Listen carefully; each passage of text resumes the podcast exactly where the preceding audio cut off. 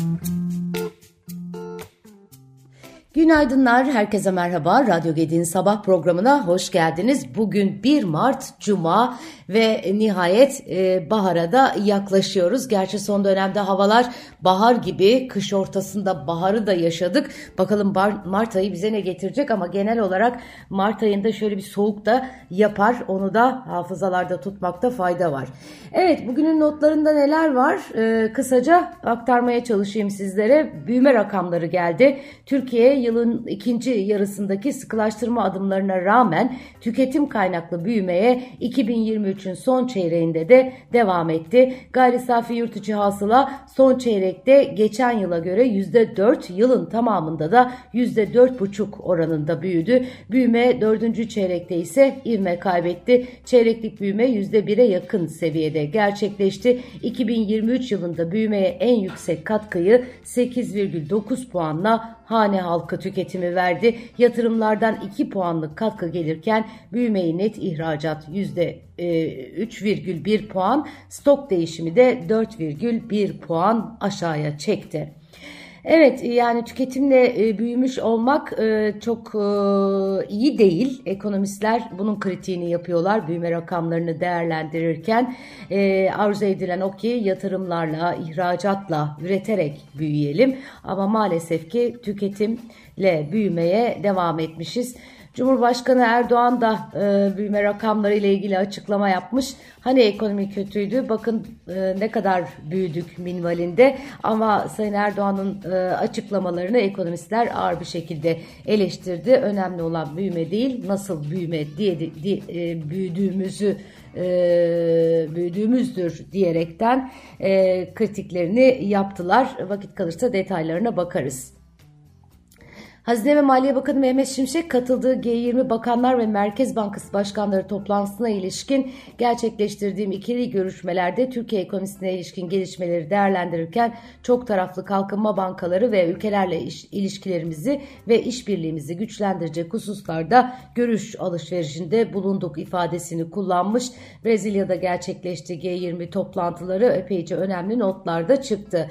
Bu arada G20 demişken Uluslararası Kredi Derecelendirme Kuruluşu Moody Moody's geçen yıl %2,9 olan G20 ekonomik büyümesinin 2024 yılında %2,4'e düşmesini beklediğini bildirdi.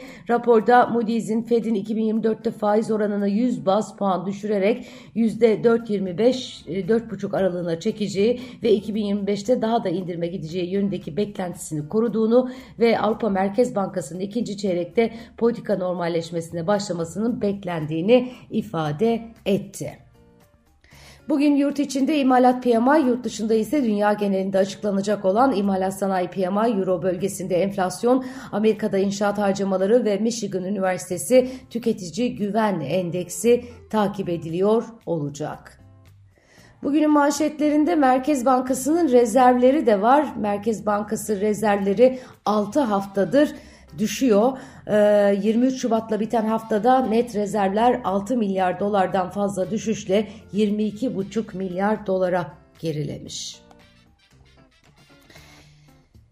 Evet, ABD'den bir not var e, F-16 konusunda. E, bugünün e, son dakika manşetlerine sabah saatleri itibariyle yansıdı. Amerikan Senatosu Cumhuriyetçi Senatör Senatör Rand Paul'un Türkiye'ye 23 milyar dolarlık F-16 savaş uçağı satışını durdurma teklifini reddetti kesin bir sonuçla reddetti. E, 61'e karşı 10 destekçi çıkmış e, Pol tarafından sunulan onaylamama önerisine.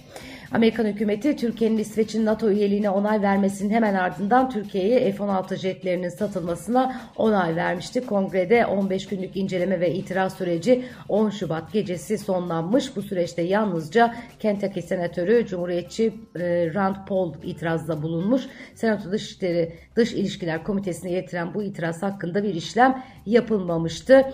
F-16 savaş uçakları için ilk talebini e, Ekim 2021'de dile getiren e, Türkiye'nin talebine onay 20 ayın ardından gelmişti. Evet bu pürüz de ortadan kalkmış e, görünüyor. Dışişleri Bakanlığı İsrail ordusunun yardım bekleyen Filistinlere ateş açması sonucu 112 kişinin ölmesinin ardından bu eylem Filistin halkını toplu olarak yok etmeyi amaçladıklarının kanıtı açıklamasını yapmış. Yardım tırlarının etrafındaki Filistinlilere ateş açan ve 112 kişinin ölümüne sebep olan İsrail ile ilgili e, yapılan e, yazılı açıklamadaki notlar yine bugünün manşetlerinde yer alıyor. Gerçekten e, o taraftaki gelişmeler ve insanlık dramı olarak yaşanmaya devam ediyor. Bugün e, enteresan bir haber var. Arada ondan da bahsedeyim. Operadaki Hayalet diye Habertürk gazetesi manşete taşımış. İstanbul Atatürk Kültür Merkezi'nde şoke eden hırsızlık yaşandı. E, gece sergilenen Cisel Bale e, eserinin ilk perdesinde hırsızlık olayı yaşanmış. Sanatçıların soyunma odasına giren bir kişi değerli eşyalar ve bir miktar parayı alarak kayıplara karışmış. Evet, e, Mısır Cumhurbaşkanı e, Sisi de Biden'la İsrail'in abluka işgal ve saldırılarının sürdüğü Gazze şeridinde ateşkes çabalarını sürdürdü.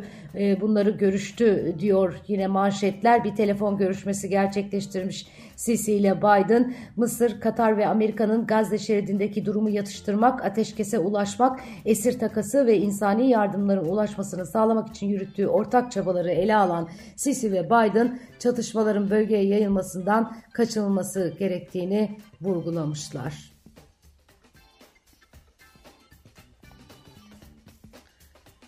Evet, Başka neler var? Şöyle bir e, diğer notlarımızı da e, açıp bakalım. E, Türkiye Cumhuriyet Merkez Bankası Şubat ayı para politikası kurulu özetlerini yayınladı. Özetle şöyle deniyor. Enflasyonda belirgin ve kalıcı bozulma olursa politika sıkılaştırılacak. E, Cem Boyner de Bloomberg HT'ye konuşmuş. Biliyorsunuz bu kredi kartları ile ilgili düzenleme e, yeniden e, yapılandırma gibi konular konuşuluyor. Bu konuda çok fazla e, dedikodu var diyelim.